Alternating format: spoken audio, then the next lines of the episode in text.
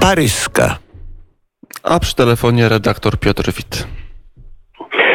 Witam panie redaktorze, witam państwa. O, we Francji optymistycznie. Optymiści uważają miniony rok za szczególnie udany.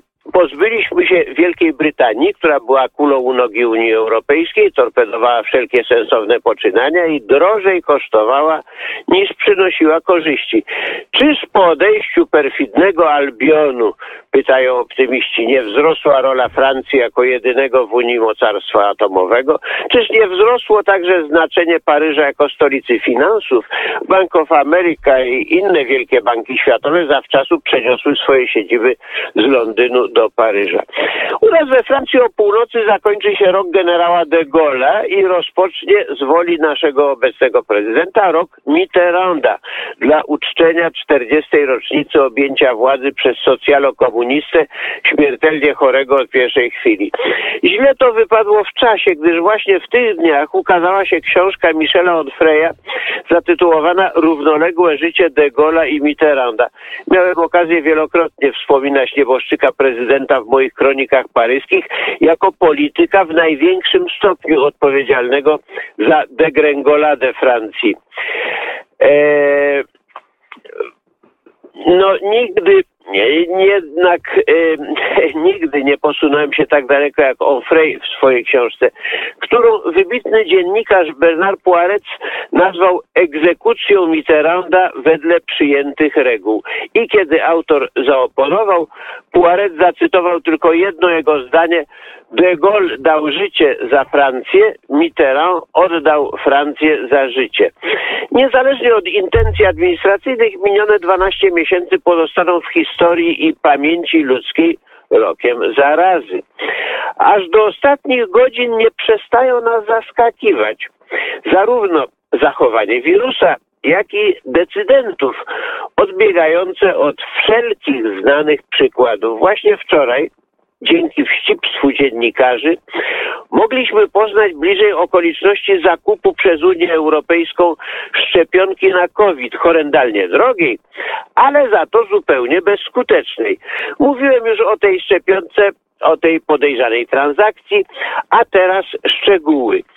Komisja Europejska podpisała 7 października kontrakt z firmą amerykańską Gilead na 500 tysięcy dawek remdesiviru, leku antykowidowego. Kontrakt zatwierdził cenę na jednego chorego nie 2000 euro za terapię, ale 1970 euro. Nazajutrz po podpisaniu kontraktu Światowa Organizacja Zdrowia zakomunikowała Komisji Europejskiej wyniki badań nad remdesivirem. Testy prowadzone od wielu miesięcy w ramach programu Solidarity potwierdziły opinię profesora Didiera Raulta wyrażoną znacznie wcześniej. Remdesivir nie leczy, chociaż ma skutki uboczne. Dlaczego dopiero na zajutrz, skoro Światowa Organizacja Zdrowia co najmniej od dwóch tygodni znała wyniki tych badań? 23 września zakomunikowała je firmie Gilead. Dlaczego nie Komisji Europejskiej?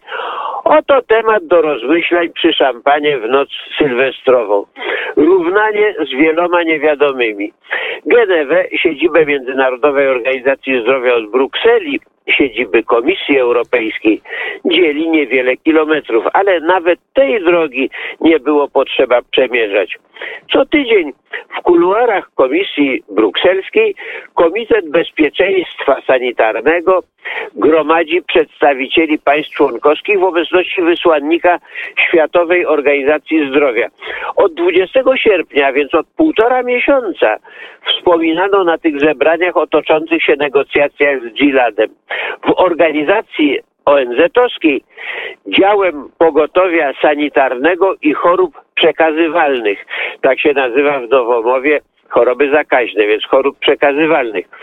Tym działem na Europę kieruje lekarka izraelska Dorit Nican. Dlaczego jej przedstawiciel i ona sama nabrali wody w usta podczas zebrań 10, 17, 24 września, kiedy komisja finalizowała negocjacje z Giladem i wyciągała już rękę w stronę kasy.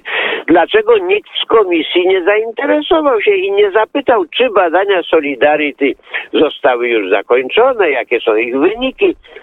Po co więc były te zebrania? Kupno remdesiviru nie jest obowiązkowe. Niemniej 20 państw członkowskich już wyłożyło pieniądze na lek, który nie leczy.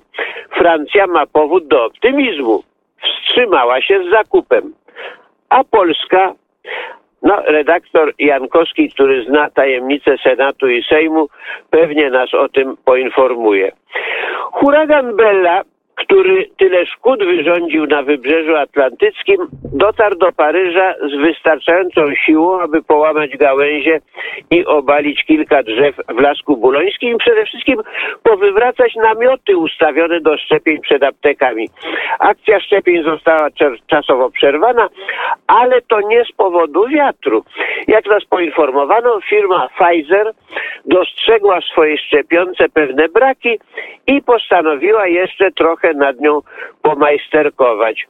Pierwszym już zaszczepionym szczepionką Pfizera wybrakowano, podobno nic nie grozi. No i wreszcie jeszcze jeden powód do optymizmu.